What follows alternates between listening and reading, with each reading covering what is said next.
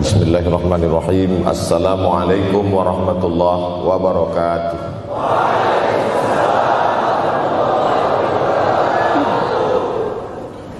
Alhamdulillahi wa kafa Wassalatu wassalamu ala al-habibil mustafa Wa ala alihi wa ashabihi ahli tuqa wal wafa Subhanaka la ilma lana illa ma'allamtana Innaka antal alimul hakim Rabbi syrah li sadri wa yassir li amri Wahlul uqdatan min lisani Yafqahu qawli.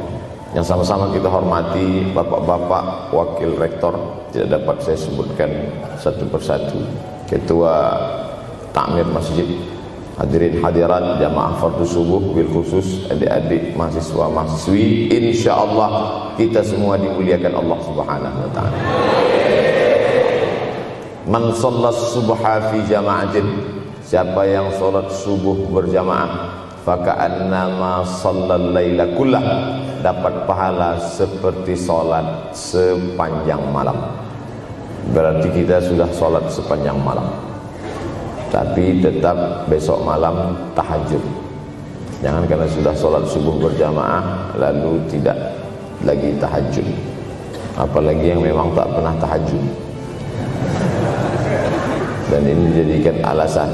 Besok kalau ada orang membangunkan dia bangun sholat tahajud man sholat subha fi jama'at faka'annama sholat layla kullah Man shalla subha fi jama'atin siapa yang salat subuh berjamaah kana fi zimmatillah. Dalam hadis yang lain, siapa yang salat subuh berjamaah maka sampai petang sampai malam nanti dia akan mendapatkan zimmatillah, tanggungan. Makna tanggungan dipelihara, dijaga Allah zahir dan batin. Kalaupun dia mati hari itu, matinya dalam istiqamah dan husnul khatimah. Tapi dalam hadis ini cuma tiga ustaz. Iza haddatha kadzaba, bicara dusta. Wa idza wa'ada akhlafa. Kalau berjanji ingkar, wa idza tumina khana. Kalau diberi amanah berkhianat. Dalam hadis lain. Kalau sudah dilihat orang salat subuh berjamaah, insyaallah diselamatkan dari nifak kemunafikan dalam hatinya. Munafik diambil dari tiga huruf. Nafaqa. Nafaq tanal, terowongan, dua pintu. Ada pintu masuk ada pintu keluar. Punya dua wajah. Berbeda zahir berbeda batin. Tapi salah satu tanda adalah pada solat subuh. Mudah-mudahan Allah menyelamatkan kita dari sifat munafik makanya perempuan-perempuan kalau mau dapat suami yang selamat dari munafik inilah dia pasukan solat subuh ini. Selesaikan aja dulu 8 semester.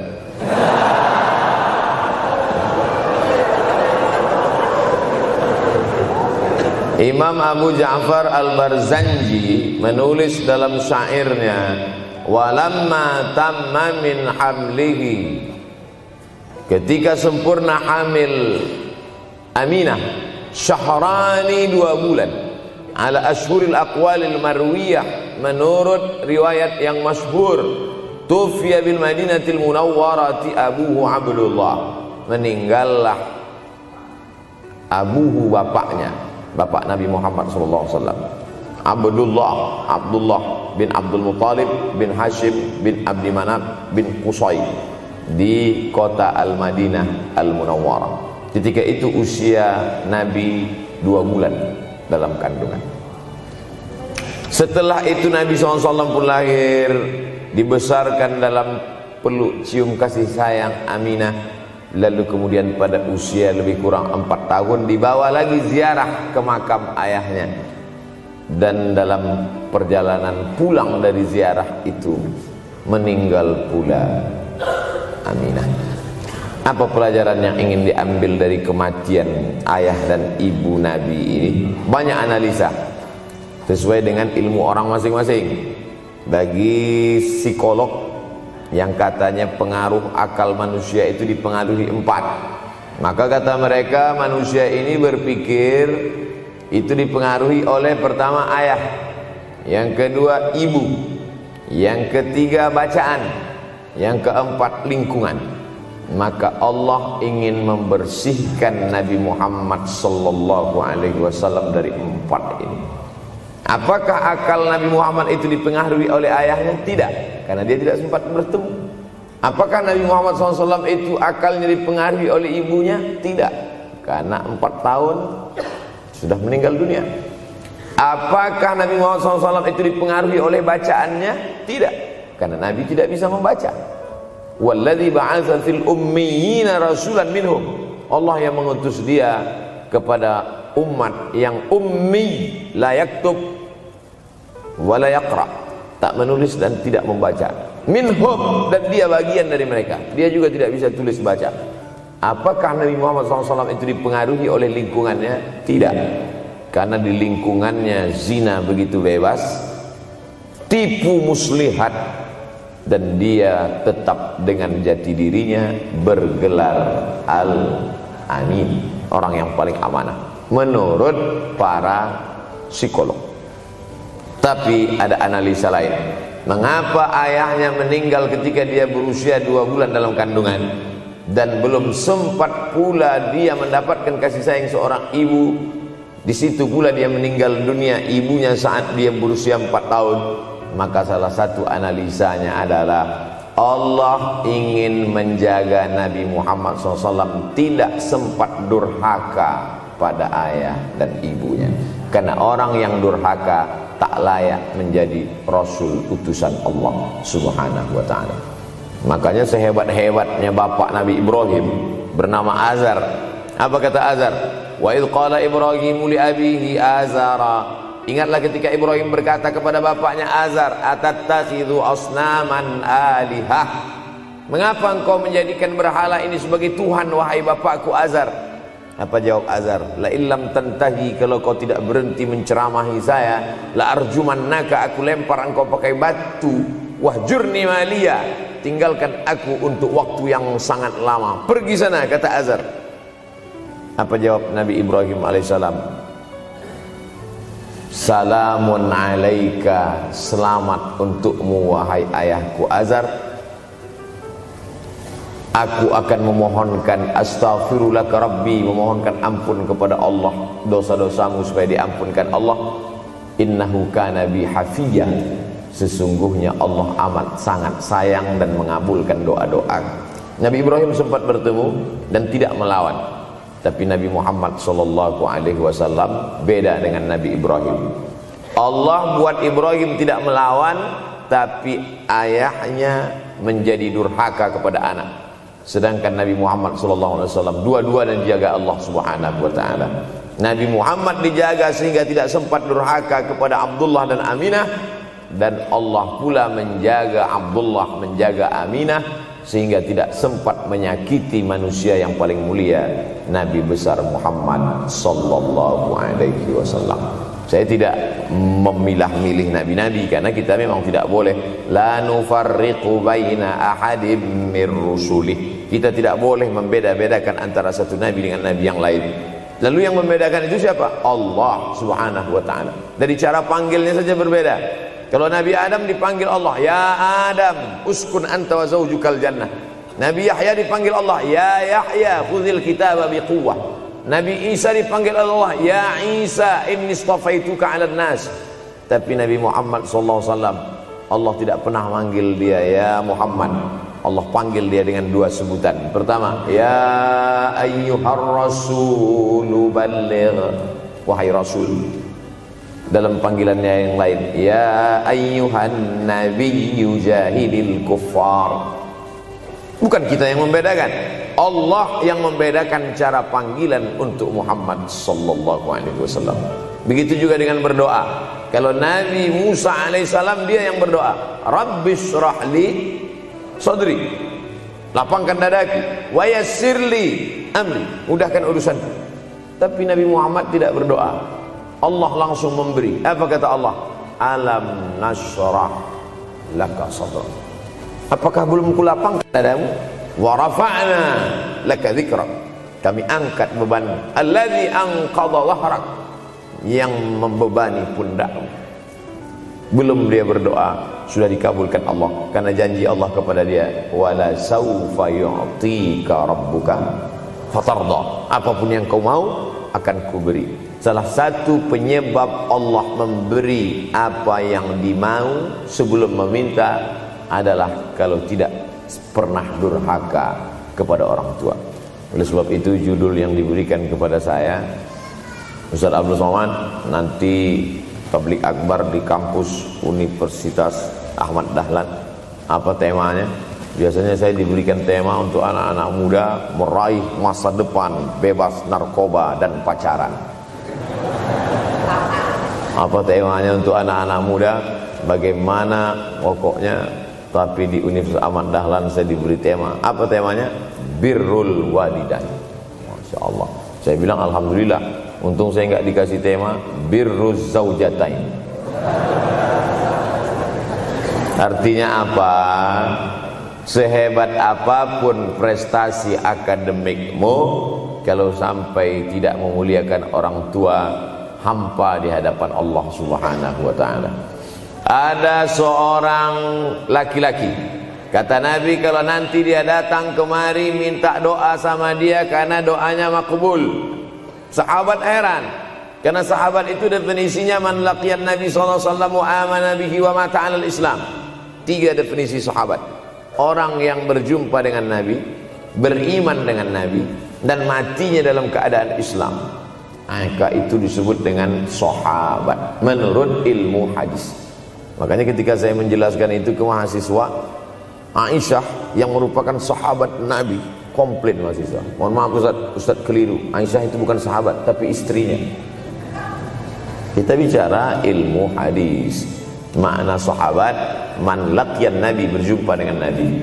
Wa amana bihi beriman dengan nabi. Wa mata ala islam mati dalam keadaan Islam Abu Lahab ketemu dengan nabi. Tapi tidak beriman dengan nabi dan mati dalam keadaan kafir. Maka tidak masuk golongan sahabat. Tapi ini ada seorang laki-laki hidup sezaman dengan nabi dan nabi mengenal dia. Dan nabi berpesan nanti kalau dia datang ke kota Madinah minta doa dari mulutnya karena doanya dikabulkan Allah taala. Sahabat heran, kami yang hidup bersama engkau, kami yang berperang bersama engkau, kami yang sholat di Masjid Nabawi bersama engkau. Kenapa doa dia lebih makbul daripada kami? Malah kami meminta doa dari mulut dia. Tapi tidak boleh membantah dan melawan Nabi. Pokoknya nanti kalau dia datang kemari, minta doa kepada dia. Setelah Nabi Muhammad SAW meninggal dunia, laki-laki itu pun sampai ke kota Madinah berjumpa dengan sahabat. Sesuai dengan yang dijanjikan Nabi mereka pun meminta doa kepada dia. Namanya Uwais Al-Qarni. Makanya Uwais Al-Qarni tidak ada masuk dalam buku biografi sahabat. Kalau mau mencari biografi sahabat Nabi buka kitab namanya Al-Isabah fi Tamyizis Sahabah atau baca juga Usudul Ghabah fi ma'rifatis sahabah. Atau baca juga al-isti'ab fi ma'rifatil ashab. Itu memang buku biografi isinya sahabat Nabi semua sahabat Nabi klasifikasi. Yang pertama al-ashra al-mubasyaruna bil jannah 10 sahabat yang dijamin masuk surga. Level kedua sahabat Nabi yang ikut perang badar. Berikutnya sahabat Nabi yang masuk Islam sebelum hijrah. Berikutnya barulah ujung ujung ujung ujung ujung sahabat Nabi masuk Islamnya setelah hijrah. Setelah Islam kuat barulah dia masuk Islam. Tapi nama Uwais Al-Qarni tidak ada di dalam karena dia tidak cukup syarat untuk menjadi sahabat. Karena dia tidak pernah berjumpa langsung dengan Nabi Muhammad sallallahu alaihi wasallam. Tapi kenapa doanya makbul? Ternyata dia tidak berjumpa dengan Nabi bukan karena dengki, bukan karena musuh, bukan karena tidak beriman, dia tidak jumpa dengan Nabi. Salah satu sebabnya adalah karena dia menjaga ibunya di Yaman. Makkah di tengah Yaman di bawah Syam di atas. Negeri Syam. Tak ada hubungan dengan negeri paman Syam. Syam di atas Yaman di bawah Makkah di tengah. Liila fi Quraisy perjalanan orang Quraisy ilafihim rihlatasy syita'i was-shaib perjalanan syita musim dingin saif musim panas musim dingin mereka ke Yaman musim panas mereka pergi ke negeri Syam Kenapa dingin ke Yaman? Karena Yaman ini kalau musim dingin tidak terlampau dingin, salju tidak turun. Kalau pergi ke negeri Syam, salju turun. Palestina, Yordania, Suriah, Lebanon. Suriah, Lebanon ada salju. Maka musim panas Nabi pergi ke negeri Syam karena kalau musim panas di Yaman panas sekali. Sedangkan ke negeri Syam panasnya tidak seberapa perjalanan orang Arab Quraisy ini diceritakan Allah. Di negeri Yaman itulah tempat kampung Uwais Al-Qarni. Tidak sempat dia berjumpa dengan Nabi tapi doanya lebih makbul daripada orang-orang yang berada bersama Nabi karena keutamaan berbakti kepada ibu. Kalau sama ayah boleh ngelawan Pak Ustaz? enggak juga. Jangan ini nanti dijadikan dalil. Kamu kenapa lawan bapakmu? Ada seorang laki-laki. Ini kadang jamaah pandai motong-motong ceramah saya. Hanya untuk mencari pembenaran. Sedangkan kita ngaji ini mau mencari kebenaran. Seribu dalil bagi orang untuk mencari kebenaran. Tapi ada seribu satu hujah untuk orang yang suka mencari pembenaran. Nah, jadi kalau saya bicara tentang ibu sesungguhnya ayah sudah masuk karena tanpa ayah kita juga bukan apa-apa dan bukan siapa-siapa. Walaupun jatah ayah sepertiga. Sedangkan ibu lebih daripada itu. Man ahakun nas suhbati. Siapa orang yang paling layak mendapatkan baktiku ya Rasulullah? Ummuka. Summa man siapa lagi? Ummuka. Summa man siapa lagi? Ummuka. Summa man abuka itu yang menyusun itu Nabi SAW bukan saya. Itu makanya ibumu ibumu ibumu bapakmu kenapa Nabi tiga kali? Kenapa Nabi menyebut laki-laki satu kali perempuan tiga kali? Karena ibumu mengandung ibumu melahirkan ibumu menyusukan. Siapa yang mau dapat tiga kali? Ah, coba yang tiga ini. Mengandung melahirkan menyusukan. Tiga ini belum bisa dilakukan oleh laki-laki di mana pun. Adapun merubah wajah sudah bisa. Makanya ada lady boy. Wajah lady betis boy. Tapi untuk mengandung tidak bisa. Ana rahman. Aku ini rahman kata Allah. Syaqaqtur rahim wa ja'altu lahu isman min ismi Aku ciptakan satu makhluk di dalam perut perempuan. Maaf Namanya rahim. Dari nama aku. Ini yang belum bisa dibuat dokter Di mana pun di dunia ini menciptakan rahim. Belum bisa. Andai terpecah rekor ini Maka kebanggaan luar biasa bagi LGBT Tidak bisa. Sampai hari kiamat tidak akan bisa janji Allah. Karena Allah mengatakan dalam hadis kursi Anar Rahman Ja'altu lahu isman min ismi maka ada satu makhluk dalam perut perempuan yang diciptakan diambil dari asmaul husna. Sehebat-hebatnya laki-laki. Dari ujung rambut sampai ujung kaki tidak ada di tubuhnya. Ini yang diambil dari asmaul husna. Tak ada. Bahwa namanya dari asmaul husna ada Abdus Somad. Tapi ada makhluk di badannya diambil dari asmaul husna itu hanya ada pada perempuan oleh sebab itu perempuan luar biasa. Makanya kampus Universitas Ahmad Dahlan memuliakan perempuan. Mana perempuan? Di atas letaknya. Makanya saya tidak terlalu berani mendongak ke atas. Begitu hebatnya perempuan. Perempuan adalah ibumu, perempuan adalah istrimu, perempuan adalah anakmu, perempuan adalah adikmu. Maka saat engkau memuliakan perempuan, engkau sedang memuliakan empat aspek dari kehidupan. Ketika Nabi Muhammad sallallahu alaihi wasallam diutus Allah ke atas muka bumi ini, salah satunya adalah mengajarkan manusia bagaimana menempatkan pada posisinya. Posisi dia adalah tempat kita menumpang. Ketika ada seorang laki-laki yang sudah sukses diwawancarai, siapa orang yang paling berjasa dalam hidup Anda? Dulu waktu saya merantau ke Yogyakarta Belum ada apa-apa Saya sempat numpang di rumah dia selama empat bulan Kata seorang artis dalam sebuah wawancara Begitu bangganya dia berkata itulah orang paling berjasa kepada saya karena saya sempat numpang di rumahnya empat bulan. Tapi ada yang dia lupa. Bukan rumahnya yang kau tumpang, bukan ruang tamunya yang kau diami. Sempat numpang di perutnya sembilan bulan sepuluh hari. Tak pernah kau sebut. Angkat tangan yang tidak menumpang di rahim. Langsung dari planet Mars langsung kemari. Enggak ada. Mr. Bean yang kita semua sehebat apa pun pernah menumpang di perutnya. Oleh sebab itu makanya dosa yang paling mengerikan adalah kalau ada orang jual sabu-sabu peminum khamar di dunianya bahagia, happy, senang. Itu Ustaz, pengedar narkoba hidupnya aman, adem, ayam, tentram di akhirat azabnya baru diberikan Allah Subhanahu wa. Ada orang yang pelakor senior tapi hidupnya di dunia senang-senang saja, di akhirat nanti azabnya ditunda. Namanya istidraj. Istidraj diambil dari kata daraja, tertunda. Azab yang tertunda. Sudah jadi judul sinetron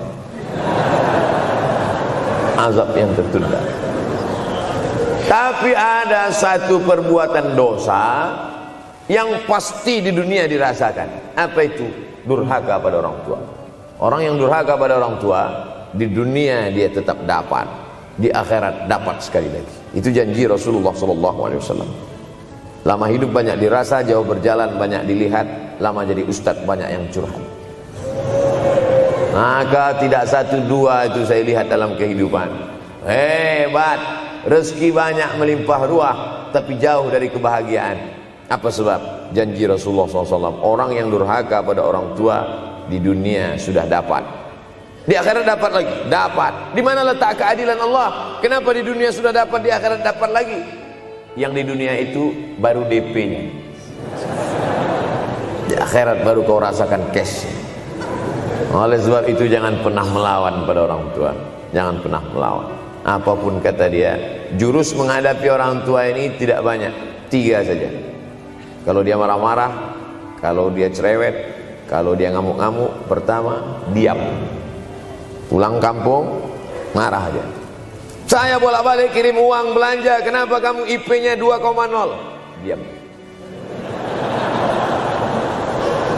Yang kedua, diam.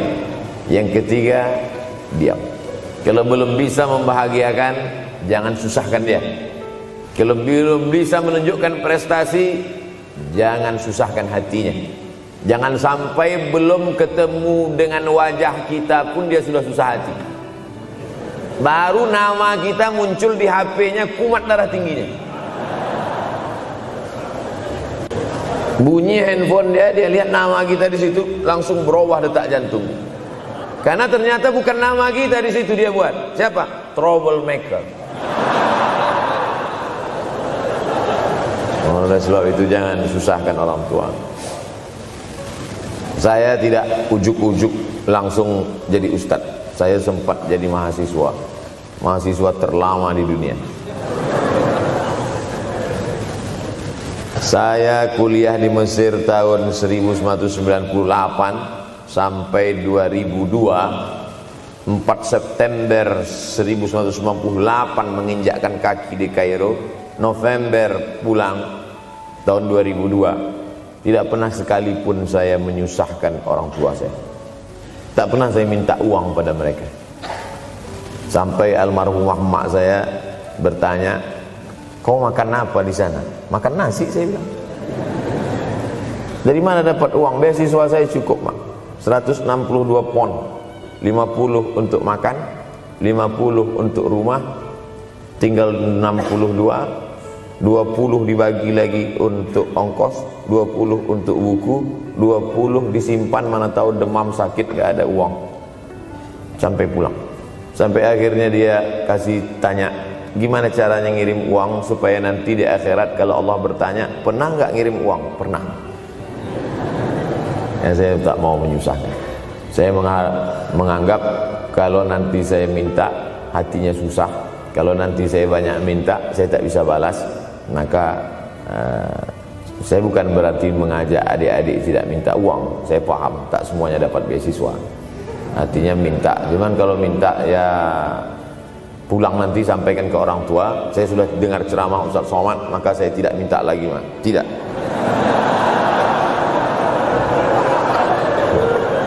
Tapi tolong dirapel setahun sekali aja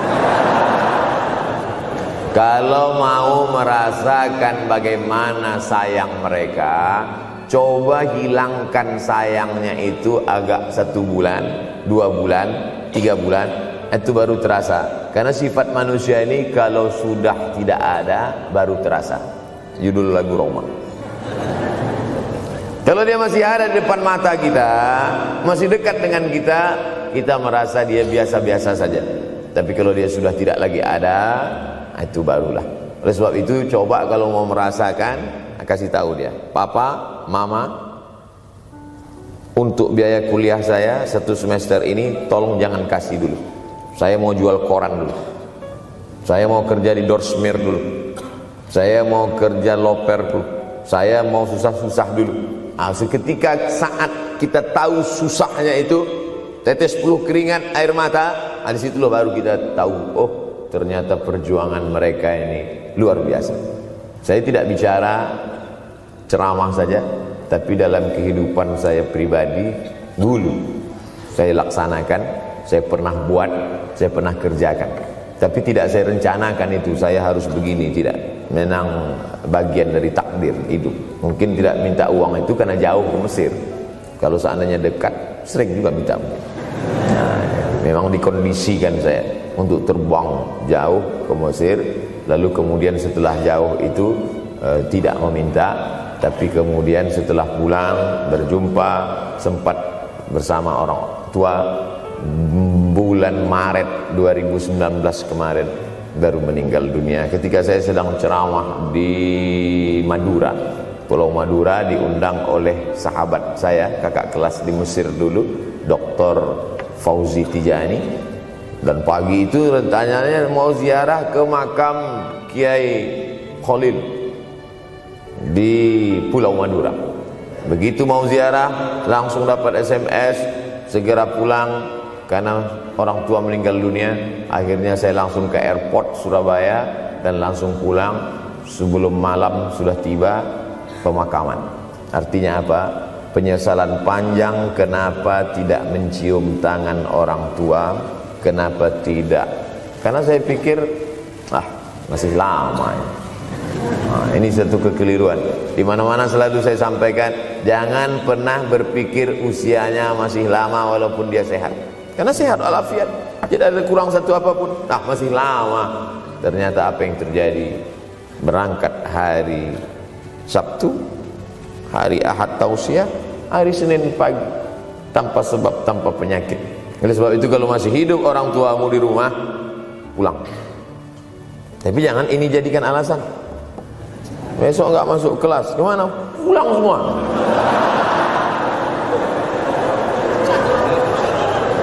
Pulang sesuai dengan kondisi, situasi dan keadaan. Pulang. Kalau masih bisa membahagiakan dia apa makanan kesukaannya belikan. Suka makan apa dia? Belikan. Itu yang dia inginkan. Andai kita gendong dia dari Yogyakarta berangkat ke kota Makkah sampai di Makkah tawaf tujuh putaran dari sofa ke Marwah pulang lagi ke Jogja belum tentu dapat membayar sekali teriakan dia saat mengeluarkan kita ke alam dunia ini. Jadi banyak orang terlalu membanggakan. Saya sudah banggakan dia Pak Ustaz. Saya sudah bayarkan ONH-nya. Berapa? Baru DP-nya. Sudah, sudah merasa berbakti kepada orang tua? Belum. Makanya digunakan kata birrul walidain.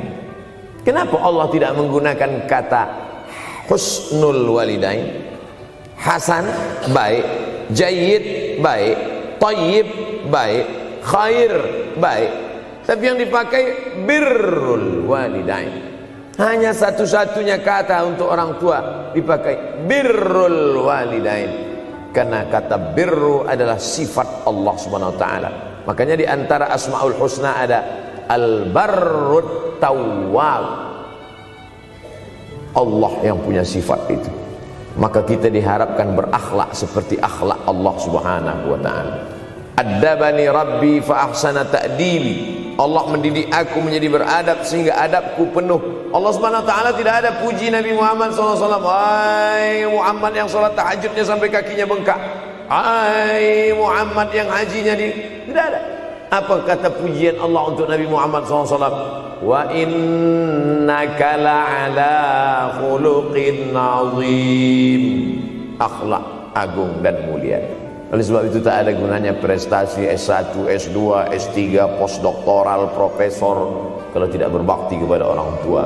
Makanya orang tua itu levelnya langsung setelah Allah. Wa qadha rabbuka alla ta'budu illa iyyah. Langsung wa bil walidaini ihsana. Ihsan. Lihat lagi penggunaan kata ihsan dalam hadis Nabi.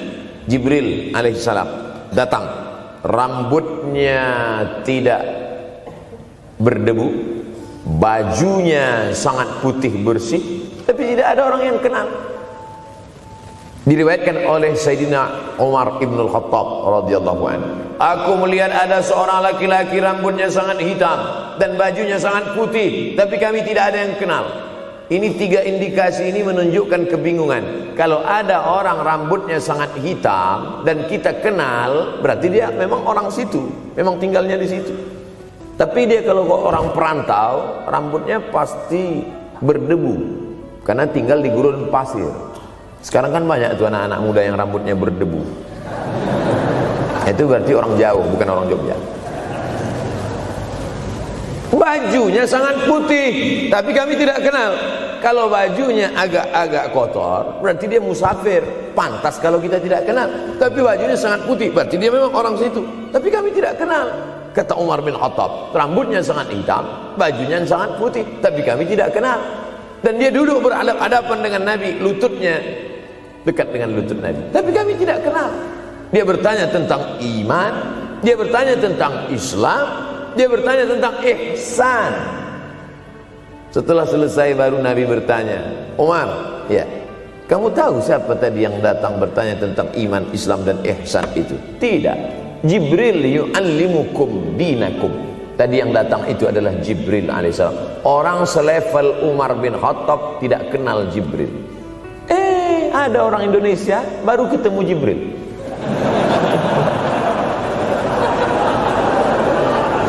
Umar bin Khattab kalau lewat di suatu jalan kalau Umar bin Khattab lewat jalan Sudirman maka setan lari ke jalan lain.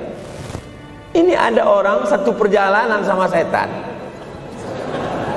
Ngaku kenal dengan Jibril alaihissalam makanya kalau baca hadis satu hadis tapi analisa dari hadis itu banyak sekali Umar tidak kenal dengan Jibril kecuali setelah Nabi Muhammad SAW yang bercerita mengenalkan. Dari mana Nabi tahu? Nabi dapat wahyu dari Allah Subhanahu wa taala. Tapi ada analisa lain. Apa maknanya?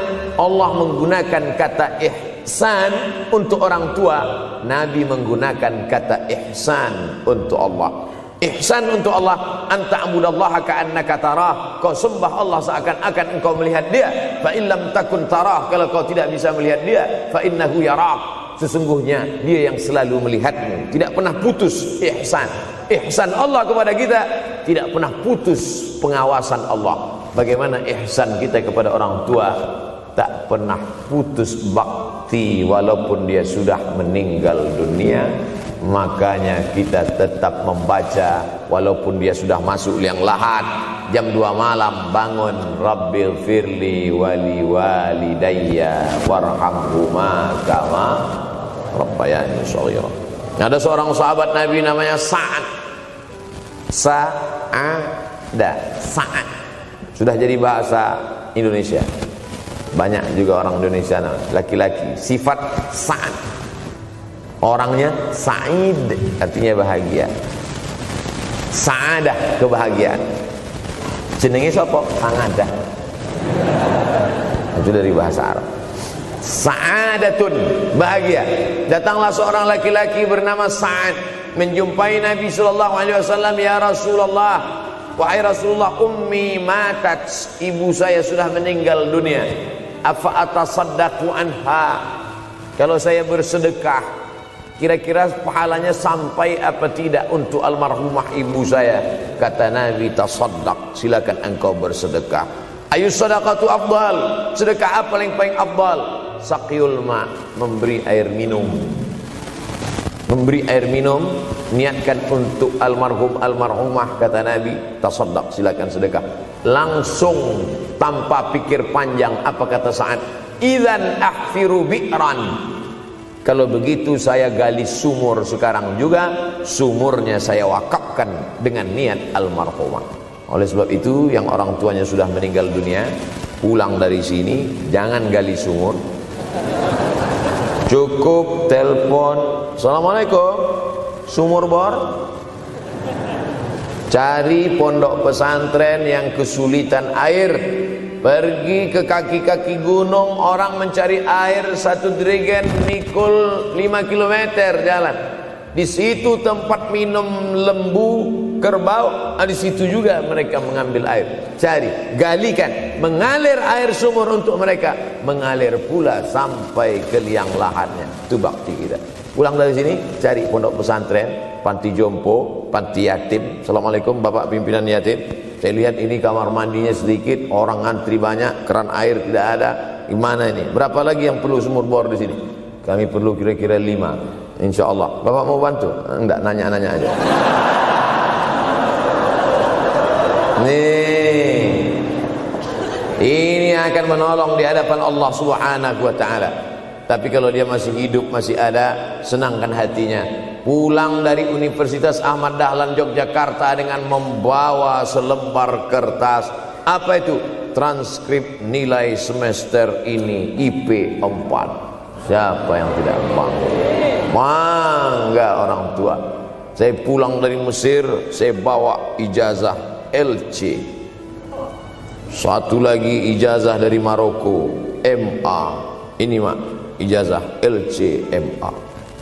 Saya tidak lihat dia nampaknya tak bahagia.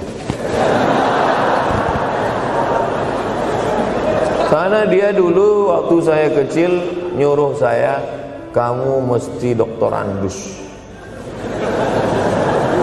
Itulah cita-cita ya dia yang tidak sampai. Saya mesti doktorandus. Di mana mau mencari titel doktorandus kan? LCMA. Saya bilang, "Mak, ini LCMA ini lebih hebat dari doktorandus." Artinya apa? Bahwa menyenangkan hati orang tua itu ketika hati dia terbuka, bahagia, di situlah pintu-pintu rezeki itu terbuka. Turun barokah-barokah itu. Buah kalau matang itu dijolok jatuh. Dan menjatuhkan rahmat Allah itu membuka pintu-pintu langit mengetuk pintu-pintu rahmat dan ridha Allah dengan ridha orang tua. Makanya kata Nabi ridha Allah fi ridhal walidain. Kalau Allah ridha maka semua yang kau mau dia berikan. Orang kalau sudah ridha itu artinya senang. Orang kalau sudah senang semua dia kasih. Apa yang ada di tangannya itu dia berikan. Tadi malam sampai di hotel datang seorang jamaah buka cincinnya. Cincin paling dia sayang dia kasih ke saya. Laki-laki nah nih Ustaz Somad? Ambil. Duduk saya tadi. Duduk. Datang anak muda. Dia lihat saya tak pakai sorban. Nah, dikasihnya sorban. Cuman akadnya belum jelas apa ngasih atau pinjam Allah Orang kalau sudah senang hatinya, semua dia kasih. Begitulah orang kalau sudah dapat ridha Allah Subhanahu wa taala. Kita baru berharap dapat ridha Allah. Makanya habis salat subuh selalu diajarkan raditu billahi rabba. Aku ridha engkau sebagai Rabbku ya Allah. Apakah Allah ridha terhadap kita? STJ, status tak jelas cara mendapatkan ridho Allah pancing dengan ridho orang tua senangkan hatinya terbuka pintu rezeki makanya sulit hidup kita sempit dari kerut kening kita udah kelihatan Kenapa? Karena tidak ada ridho Allah akibat tidak pernah menyenangkan hati orang tua. Senangkan orang tuamu, jadikan dia seperti raja, maka rezekimu akan melimpah seperti rezeki raja-raja. Bukan hadis Nabi, dapat saya dari grup WhatsApp. Senangkan saja hatinya. Apa yang dia mau beri Tapi dengan cara yang halal. Nah, Ini harus dalam kurung Syarat dan ketentuan berlaku. Jangan gara-gara ceramah ini Nanti pulang kalian ke rumah Papa, mama, ini ada mobil Ini ada rumah Ini berangkat pergi haji. Wow, Orang tua senang. Dua bulan masuk KPK Innallaha tayyibun. Allah maha suci. La yaqbalu illa tayyiban. Allah tidak menerima kecuali yang suci-suci saja. Wa anfiqu Berinfaklah. Wa anfiqu Bersedekahlah. Wa anfiqu Berwakaflah. Wa anfiqu Berzakatlah. Min tayyibat Yang baik-baik. Yang tidak baik tidak diterima Allah subhanahu wa ta'ala. Kamu lagi ngapain? Nyuci lagi ngapain? Nyuci. Pakai air apa? Air kencing. Begitu kata Syekh Abdul Wahab Asy-Sya'rani dalam kitabnya Tambihul Mughtarrin. Tambih peringatan. Mughtarrin pada orang yang tertipu menyangka sedang berbuat baik padahal sebenarnya tidak baik. Itu yang disindir Allah dalam Al-Qur'an. Wa yahsabuna annahum yuhsinuna. Mereka menyangka sedang berbuat baik ini juga tidak betul. Niatnya sudah baik membahagiakan orang tua tapi caranya tak betul. Mama papa alhamdulillah kuliah saya sudah selesai ini skripsi saya.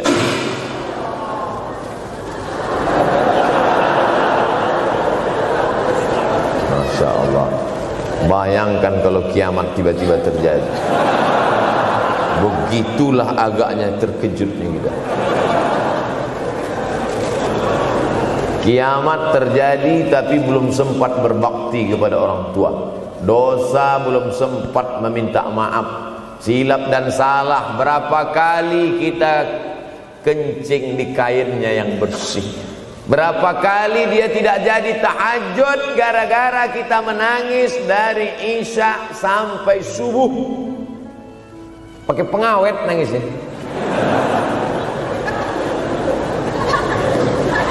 Tapi kita tak pernah sadar itu. Kita menganggap kita di dunia ini dibesarkan angin. Kita menganggap kita ini bangsawan, bangsa yang hidup di awan. Berapa kali dia tidak jadi sholat duha gara-gara kita kencing. Berapa kali nasi yang sudah mau disuap masuk ke mulutnya tak jadi. Bahkan dia tidak makan sama sekali. Dan berapa kali makanan dia dia belikan hanya untuk susu, hanya untuk menyenangkan kita. Pernah kita balas? Dan dia tidak pernah minta balas itu. Oleh sebab itu siapa yang mengingatkan? Abdul Somad diberikan judul berat ini. Judul yang paling berat ceramah tentang orang tua tentang ibu, tentang ayah. Jarang saya mau menerima judul-judul pengajian. Ini pun dikasih tahu setelah sampai di sini. Maka saya belok-belokkan dikit. Ini air mata udah mau mau, menetes ah belokkan nanti kalau saya nangis di sini Siapa yang ceramah kalau saya nangis? Oleh sebab itu maka yang orang tuanya masih ada beruntung dan bertua bawakan dia rumah makan. Ada sahabat saya namanya Ustadz Lukman di Pontianak. Pontianak, bukan kuntilanak. Mereka punya program namanya Bawa Ibu ke Rumah Makan. Keren nama programnya bawa orang tua ke rumah makan. Nanti hari libur adik-adik anak-anakku sekalian libur bawa ayah bawa ibu ke rumah makan.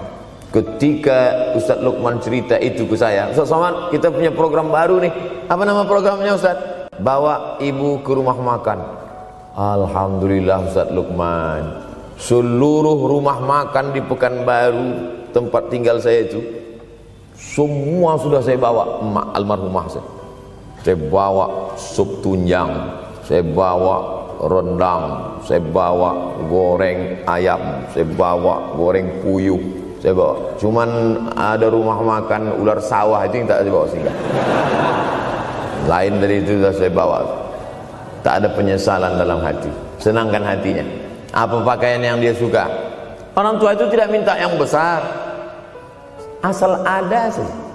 Pulang dari Yogyakarta sampai ke rumah, ini tadi ada nampak sedikit, sedikit tanda terkenang. Kalau banyak makan sendiri. Ketika dia senang melihat itu, bahagia hatinya, nampak senyum di tepi bibirnya, pada saat itulah rahmat Allah terbuka. Pada saat itulah ridha Allah datang. Mengapa sulit mencari pekerjaan? Mengapa payah mencari penghidupan? Salah satu yang mempersempit ridha Allah itu adalah karena tidak berbakti kepada orang tua.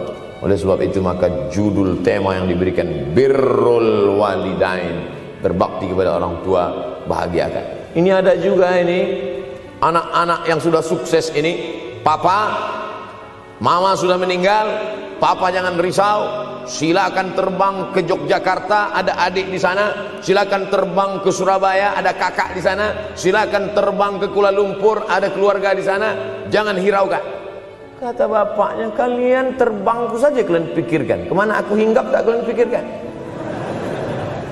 Ada sebagian orang ketika ibunya meninggal dunia, marah dia, mengamuk dia, dia anggap kebahagiaan itu sudah hilang padahal membahagiakan orang tua dua-dua adalah tanggung jawab kita. Kalau dua-duanya sudah tidak ada Pak Ustaz masih ada keluarga. Ada keluarga. Al-khalah bimasabatil um. Saudara ibu kakak ibu adik ibu sama seperti ibu. Sambung lagi silaturahim. Buat dia senang buat dia bahagia. Man ahabba yubsatalahu fi rizqihi siapa yang mau lapang rezekinya wa yunsa'alahu fi azarihi dipanjangkan umurnya falyasil rahimahu. Hendaklah dia menyambung tali silatu rahim saya ceramah di satu kota. Sampai di kota itu saya melihat rumah besar megah mewah seperti istana. Cuman saya segan mau nanya, nggak mungkin saya tanya, Pak, ini hasil dari apa? saya tengok, saya ngaku. Kawan-kawan saya yang ikut di situ seperti ngeliat kucing semua.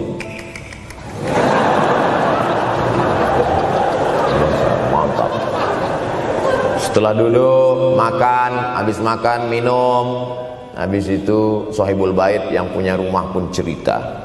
Ustadz Abdul Somad, iya Pak, Dulu ini hanya bambu-bambu yang dikasih daun, yang dikasih terpal. Tempat apa Pak? Tempat ibu saya buat pengajian. Setiap tahun dibuat begitu. Pasang tiang-tiang kayu, pasang terpal, daun-daun, pengajian ramai. Sampai akhirnya saya berkata, Bu, pengajian kita hentikan saja stop. Saya tidak sanggup lagi pasang tenda, pasang terpal ini. Tapi akhirnya apa kata ibu saya? Nanti setelah saya tidak ada, pengajian ini terus kamu buat. Allah bukakan pintu rezeki Ustaz Somad. Ah, inilah yang terjadi sekarang. Saya belikan orang tua saya itu rantai, saya belikan gelang, saya belikan cincin. Bulan depan saya datang, sudah nggak ada lagi. Mana gelangnya, Mak? Nggak ada. Mana rantainya, Mak? Nggak ada. Mana cincinnya? Nggak ada. Ke mana itu kan emas mahal Sudah saya jual Untuk apa? Untuk bersedekah ke fakir miskin Rupanya gelangnya rantainya itu habis dia berikan sedekah fakir miskin. Tobatkah si bapak untuk berbakti? Tidak. Bulan depan dia belikan lagi. Sampai akhirnya diberikan Allah balasan melimpah ruah. Ternyata ini rahasia dari keberhasilan hidup Karena menyenangkan hati orang tua. Saya tak sebut nama, saya tak sebut lokasi, tapi yang mau berkunjung nanti saya kasih lokasi tepatnya. Saya kasihkan nanti alamat dari Google, saya kasih. Supaya melihat secara nyata, kalaulah rezeki itu hanya diberikan kepada orang yang bersungguh-sungguh, pergi pagi pulang petang peras keringat banting tulang, maka tentu yang kaya itu adalah sapi. Yang membajak dari pagi sampai sore kalaulah kekayaan keberhasilan itu itu diberikan yang paling pandai memanjat maka tentu yang kaya itu monyet Tapi Allah berikan kepada siapa yang dia ridhai dan penyebab ridha Allah itu adalah karena orang tua yang senang hatinya. Yang sempat durhaka tidak sempat minta maaf meninggal dunia dia sudah apa boleh buat? Kau sudah booking seat di neraka. Hmm. Yang sudah sempat durhaka, tidak sempat minta maaf, meninggal dunia gara-gara dia pecandu narkoba, pemabuk, pezina, mati orang tua dalam keadaan susah. Berapa kali saya ketemu ibu-ibu selesai pengajian pergi saya ke tempat parkir ibu tua 70 tahun menangis. Ibu nangis kenapa bu? Anak saya Pak Ustaz. Kenapa dia? Disuruhnya saya jual tanah. Mama jual tanah. Untuk apa mama megang tanah? Udah tua aja pun. Jual. Mestinya anak itu yang menyenangkan hatinya di hari tuanya bukan malah menyuruh jual tanahnya. Jual tanah supaya dia bisa bangun rumah. Jual tanah supaya dia bisa menyekolahkan anak-anaknya. Na'udzubillah. Sudahlah tidak membahagiakan malah menyusahkan. Ustaz anak saya nyuruh saya jual tanah saya supaya dia senang supaya dia dapat duit. Gimana nih Pak Ustaz mungkin si ibu berharap saya menjawab ibu sabar aja ya bu. Sabar ya. Ibu salah tanya bu. Kalau mau sabar cari ustadz lain ada spesialis sabar. Bukan saya. Begitu dia kasih tahu anak saya maksa saya jual tanah saya pak ustadz gimana? Mana alamat rumah anaknya? Mana? Mana? Saya mau datang. Mana? Eh anak durhaka neraka jahanam tempat kau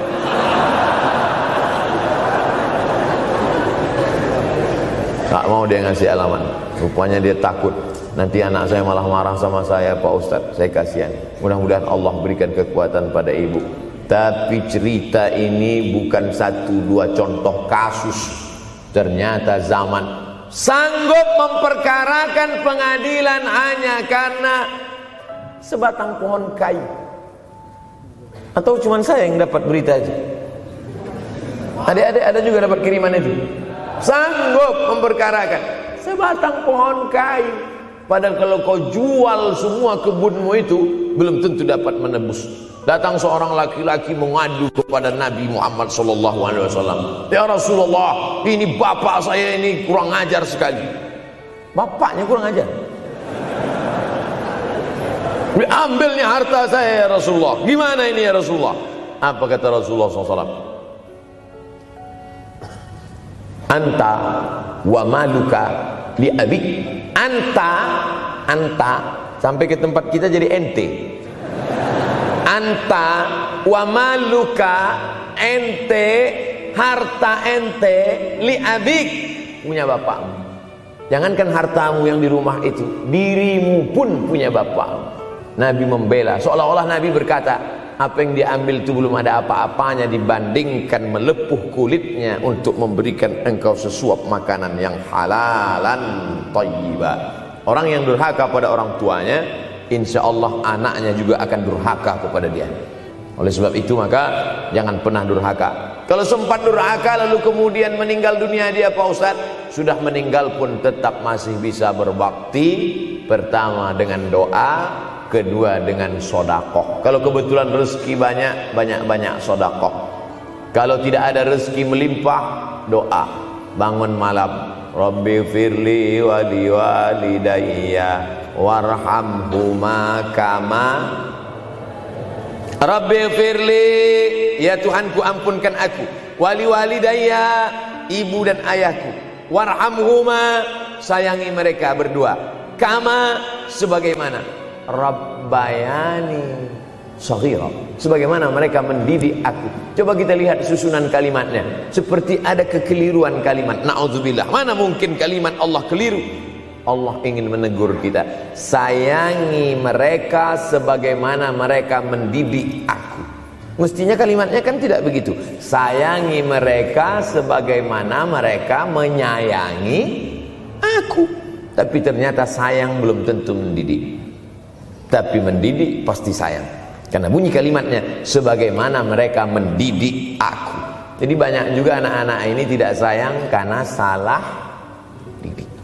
Disangka sayang itu dengan ngasih motor disangka sayang itu dengan ngasih gadget disangka sayang itu dengan ngasih transfer uang yang berlebihan. Belum tentu sayang.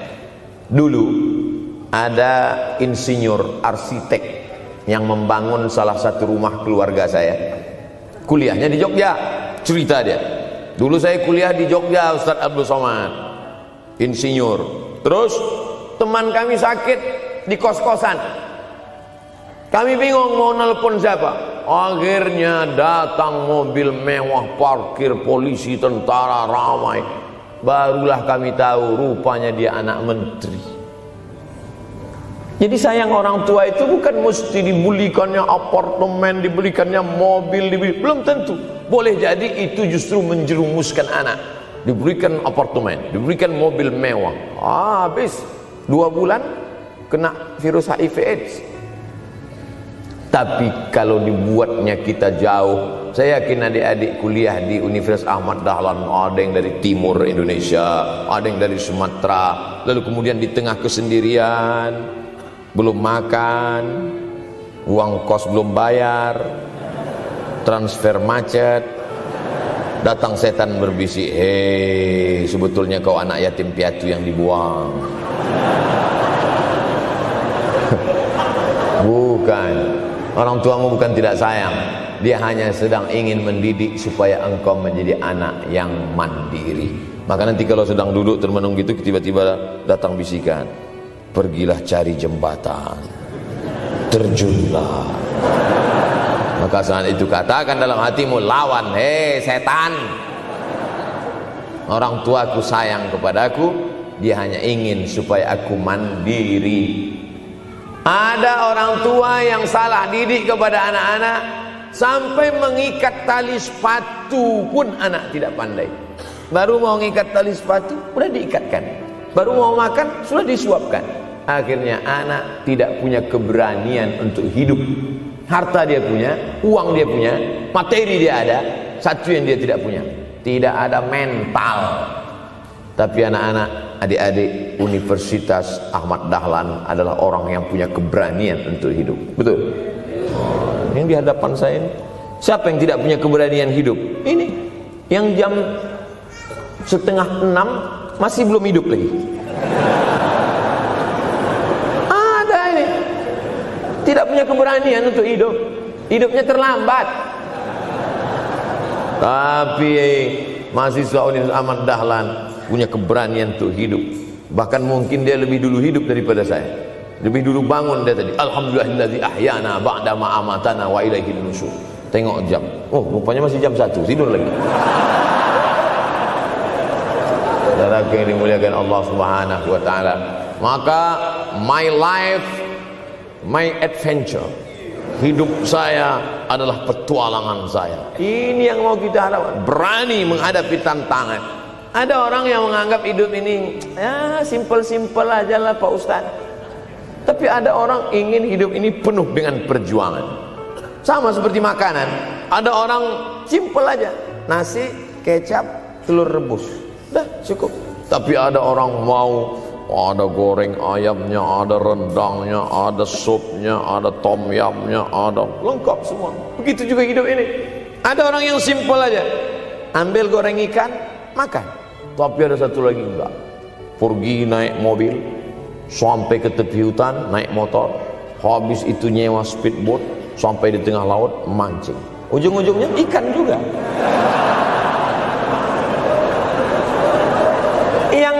Nikmati bukan ikannya. Tapi yang dia nikmati adalah proses untuk mendapatkan ikannya faham? itu enaknya ngomong sama siswa.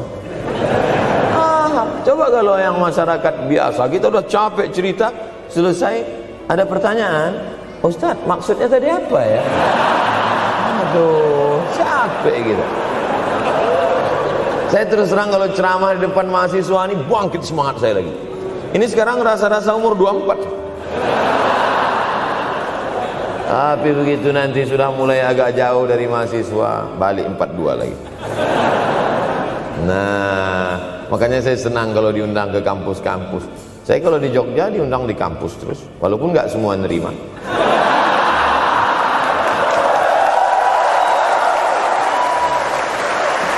Saudara yang dimuliakan Allah Subhanahu wa taala, maka kita harus sering-sering bersama. Apa ini takbir? Takbir itu ngusir setan. Tadi saya ceramah jam setengah lima. Sekarang sudah jam setengah enam lewat sepuluh. Artinya saya tadi sudah ceramah tujuh puluh menit. Ini sudah keluar dari kode etik.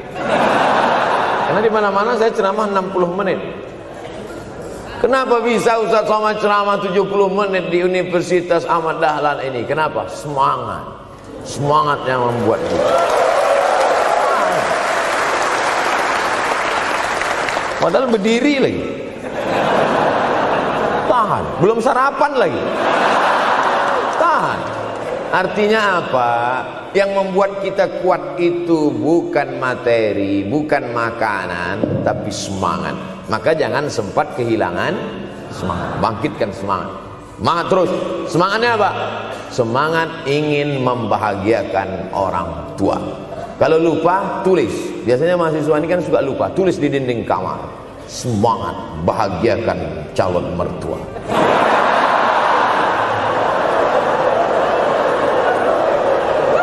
Nanti teman kos-kosan datang ngelihat, loh, kata Ustaz Somad kan orang tua, kenapa ente buat mertua?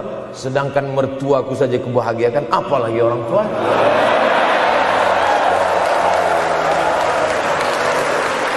Begitu hebatnya. Cuman kadangnya kita hanya mendapat ini hanya di sinetron-sinetron saja. Real nyatanya di mana? Datanglah ke Universitas Ahmad Dahlan. Jadi hidup ini harus ada target yang mau dicapai. Banyak orang targetnya nggak benar. Saya ingin menjadi orang yang punya kepribadian Pak Ustadz. Rumah pribadi, mobil pribadi. Target bahagiakan orang tua. Gaji pertama kalau kerja nanti umroh. Oh, gitu. Ma, doakan. Nanti kalau aku kerja insya Allah gaji pertama nanti memberangkatkan umroh. Syukur-syukur nggak usah diomongkan dulu, kasih surprise, senang. Mama, ayah, ini gaji pertama. Dia buka, tengok, 700 ribu.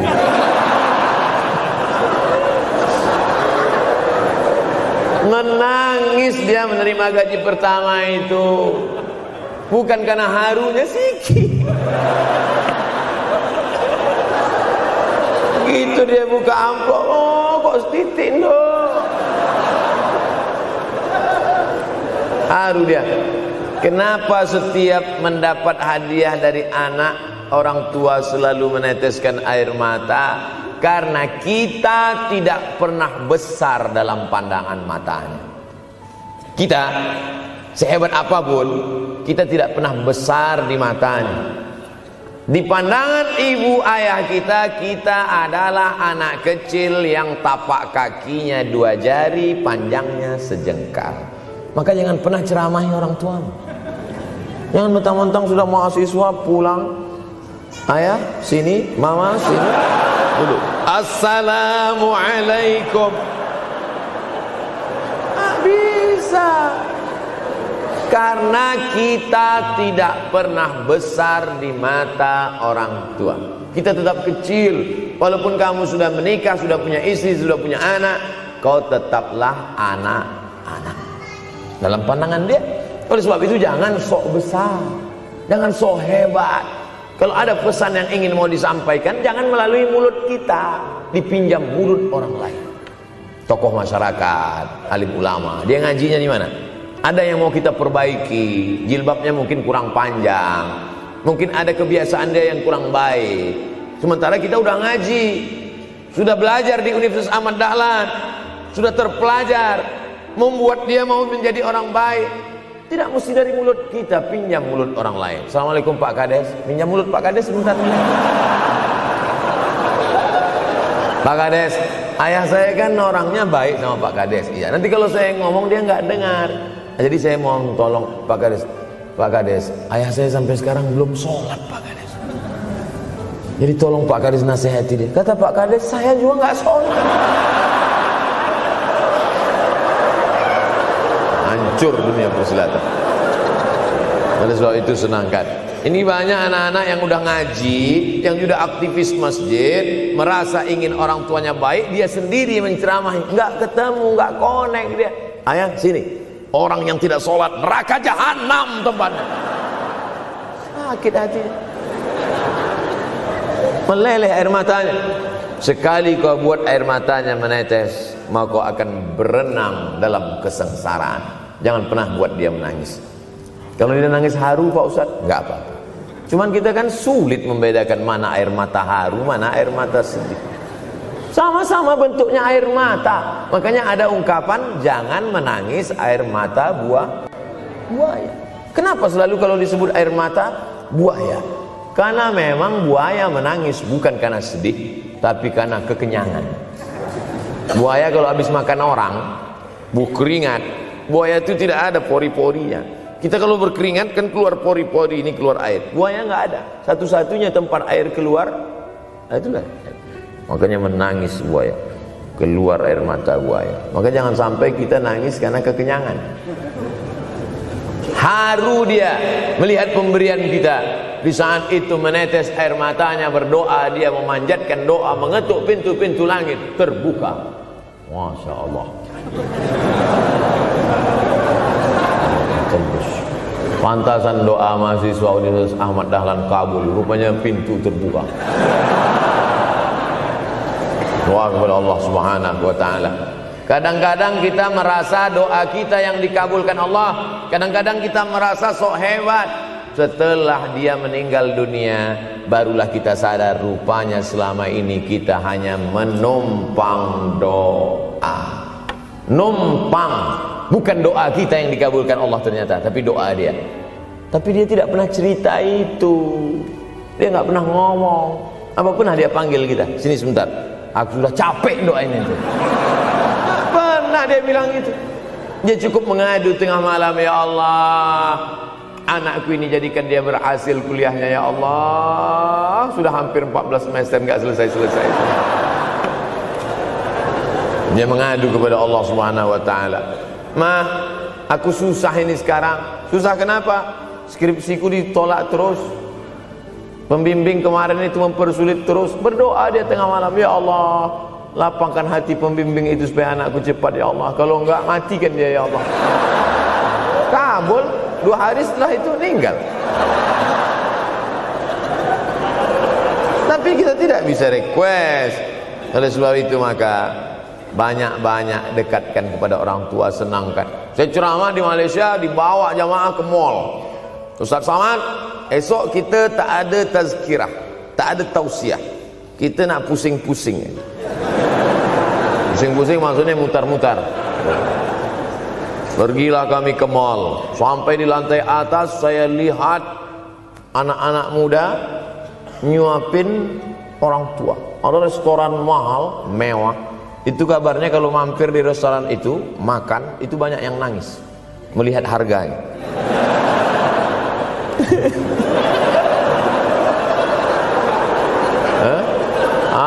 Ada saya lihat anak-anak muda yang ganteng-ganteng, perempuan yang cantik-cantik menyuap orang tua. Orang tua yang sudah tak berambut, sudah perempuan tak berambut lagi rontok saking tuanya, kulit sudah keriput.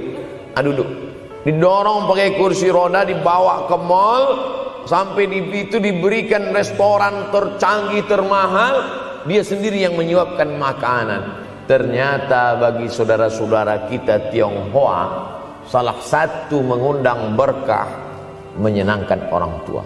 Itu keyakinan mereka. Eh kok? Kenapa yang dikasih makan? Ayah oke okay lah ajaran kita mengajarkan tapi kita tak amalkan.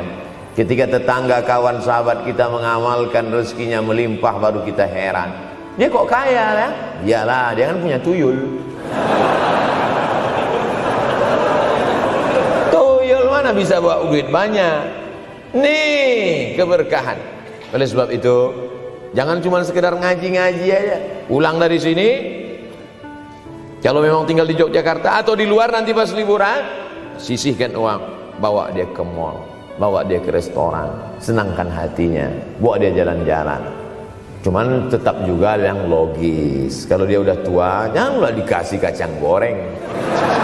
Sesuaikanlah, agar-agar kasih. Ini nggak perlu dikunyah. Kiri kanan gol, kiri kanan gol. Tua bawa kasih kacang. Menyiksa itu. Saudara yang dimuliakan Allah Subhanahu wa taala, kenikmatan yang terbesar adalah ketika orang tua masih ada bersama kita. Kalau sudah tak ada nanti saat Idul Fitri, Allahu Akbar, Allahu Akbar, Allahu Akbar. La ilah. Barulah menetes air mata. Mama. Saya kalau sudah menengok orang menangis terlalu berlebihan mengenang orang tua, ini pasti ada. Kalau bahasa kampung kami something wrong. pasti ada sesuatu ini. Karena orang kalau sudah habis tumpah dia tidak akan menetes lagi. Tumpahkan kasih sayangmu itu sampai habis ludes dia tidak akan menetes lagi tak ada penyesalan karena semua sudah kita berikan kalaupun menangis hanya tetesan kasih sayang tapi kalau sampai mencakar dinding mama ini pasti. Saya kalau ada ada orang yang menyesal sampai cakar rinding, mau saya antukkan aja kepala yang gede. Dulu waktu hidup kenapa enggak waktu? Sekarang udah mati baru kau menangis kan? Senanda. Nah, tapi tentu sesuai kemampuan kita karena kata Allah la yukallifullahu nafsan illa usaha Allah tidak membebani orang lebih dari semestinya. Ustaz ceramah sampai jam berapa ini? Sampai jam 6 insyaAllah. Saya mau lengkapkan. Jam kita sama tuh? Oh sama. Jam 6 Jam 6 maka saya ceramah 90 menit nanti di Universitas Ahmad Dahlan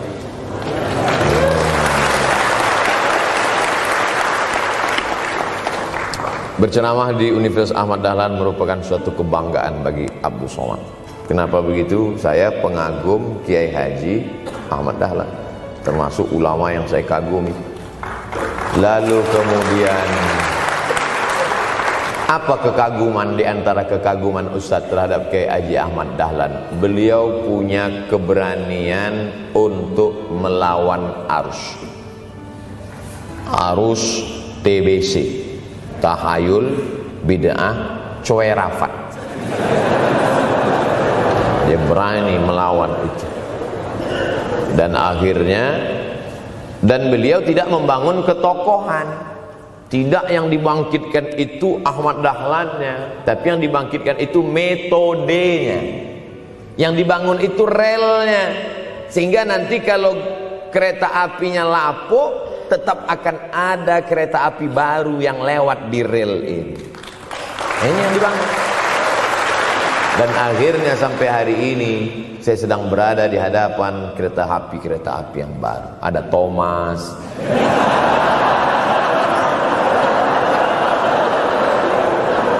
Kok Ustaz tahu Thomas? Anak saya paling suka itu. Satu koper kereta. Artinya apa? Bangun rel bangun rel maka akan ada lokomotif-lokomotif baru. Dunia boleh berganti zaman boleh berubah. Idza waqa'an ala ahadikumul qiyamah kalau kamu sudah mau mati sudah mau mati wa fi yadihi fasilah di tanganmu ada bibit korma. Sudah mau mati di tangan ada bibit korma. Apa yang kita lakukan? Ada sebagian orang kalau sudah mau mati ya wes gua aja kalau di tanganmu ada bibit korma, gali-gali tanah sedikit, tanamkan. Untuk apa nanam korma sudah mau mati? Bukan kita sempat memakan manisnya, tak sempat bermaung di bawah daunnya yang rindang. Bukan kita yang menikmati, tapi ada orang lain dan pahalanya mengalir ke makam kita. 28 ribu ibadah mengalir ke makam Kiai Haji Ahmad Dahlan Angka 28 ribu itu dari mana Pak Ustaz? Angka mahasiswa Universitas Ahmad Dahlan. Ustaz tahu dari mana? Ya makanya kalau orang ngomong tuh dengar. Makanya saya kalau diundang ceramah, Ustaz nanti sebelum ceramah kita ada acara makan dulu. Iya, selama itu saya diam aja. ngumpul-ngumpulkan bahan Jangan pernah melihat modal materi tapi kuatkan usaha dan tawakal. Nih, bantuan cuma 6 miliar. Tapi ternyata keperluannya berapa? 126 miliar. Tapi buktinya jadi masjid yang besar. Kalau diikutkan modal, mana mungkin cukup? Maka begitu juga dalam menatap hidup ke depan. Kamu kenapa belum juga nikah? Modalnya besar Pak Ustaz. Terus gimana? Nunggu yang gratisan aja lah. Begitu usaha, tawakal, doa. Doa. Nah, bagi yang masih lajang yang mau nikah itu kalau bisa doanya jangan sir agak jahar dikit. Ya Allah, umur udah 40. Dengar sama sebelah. Loh, belum Mas katanya, belum. Bodoh.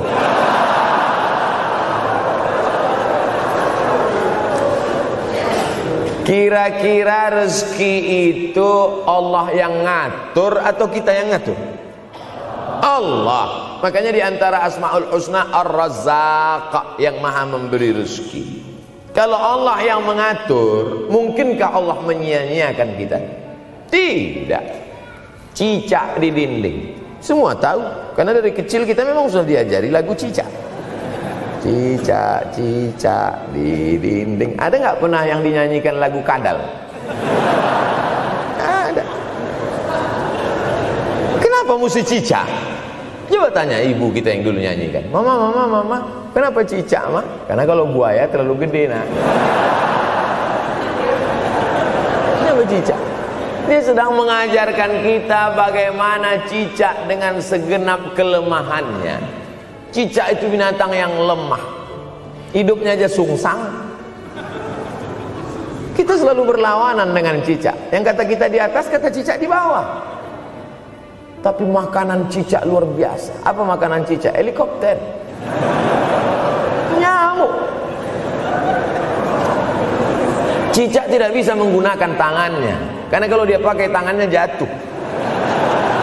Kadang pakai empat-empat aja jatuh. Selalu kan kejadian eksiden cicak jatuh. Cicak tidak pernah gunakan tangannya untuk makan karena dia harus berpegang kuat. Apa yang dia pakai? Lidahnya. Lidahnya dia pakai. Nyamuk yang dia makan.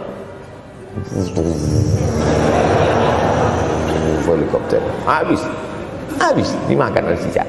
Siapa yang paling hebat? Nyamuk. Makanannya darah. Nyamuk masih keluarga Dracula.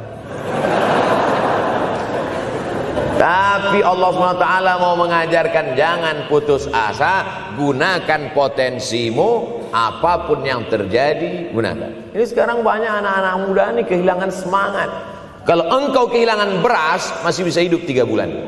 Kalau engkau kehilangan air, masih bisa hidup tiga hari. Tapi kalau kau kehilangan semangat, kau hanya hidup tiga detik. Tik, tik, tik, mati.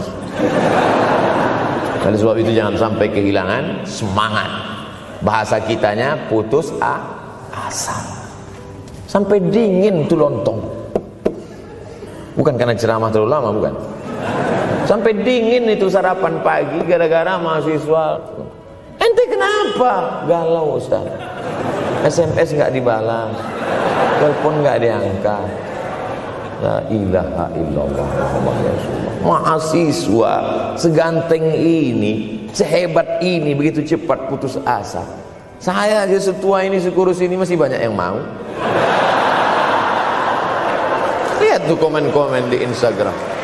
Baca tuh komen-komen di YouTube. Ustadz, jadikan aku yang kedua ya. Masa kalian anak-anak muda gagah perkasa Bangkitkan semangatmu Takbir Banyak yang belum ketemu jodoh Saudara yang dimuliakan Allah subhanahu wa ta'ala Maka bangkitkan semangat. Tapi yang namanya semangat ini tidak bisa bangkit dengan Banyak kita lihat orang bersemangat Pede di depan orang pede luar biasa.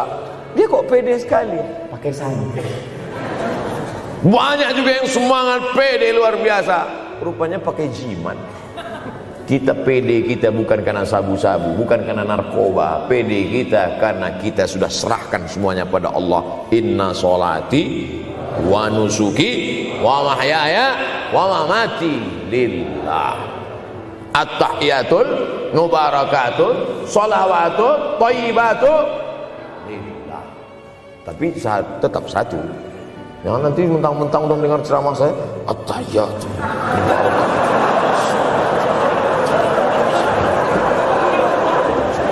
dalam hati saya ini bukan punya aku ya Allah. Ini semuanya punya engkau.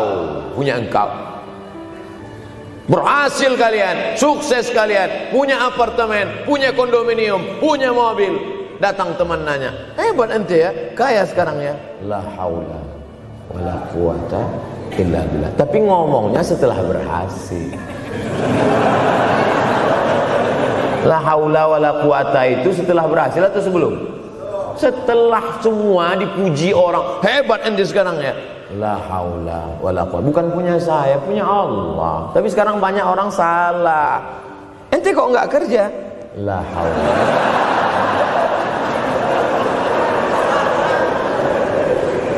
La haula wa la illa billah. Subhanallah, Masya Allah, tabarakallah. Menunjukkan manusia lemah tak punya apa-apa. Dia ingin berkata, ini hanyalah punya Allah. Begitu juga dengan acara ini. Kenapa acara di masjid? Kenapa acara di kampus kemarin ramai melimpah ruah? Bukan karena panitia, bukan karena Ustaz Abdul Somad, bukan karena baleho yang besar, tapi la haula wala quwata illa billah. Pulang dari sini, bangkitkan semangat, senangkan hati orang tua, kejar prestasi, terus kuliah. Mudah-mudahan semuanya selalu mendapatkan kebaikan. Amin ya rabbal alamin. Terima kasih atas segala perhatian. Mohon maaf atas segala kesilapan dan kekhilafan. Abdul Somad hamba Allah yang fakir mohon maaf berpisah kita di tempat ini tapi kita tak pernah putus dalam persahabatan karena kita selalu bersama jauh di tempat dekat di doa. Terima kasih. Wassalamualaikum warahmatullahi wabarakatuh.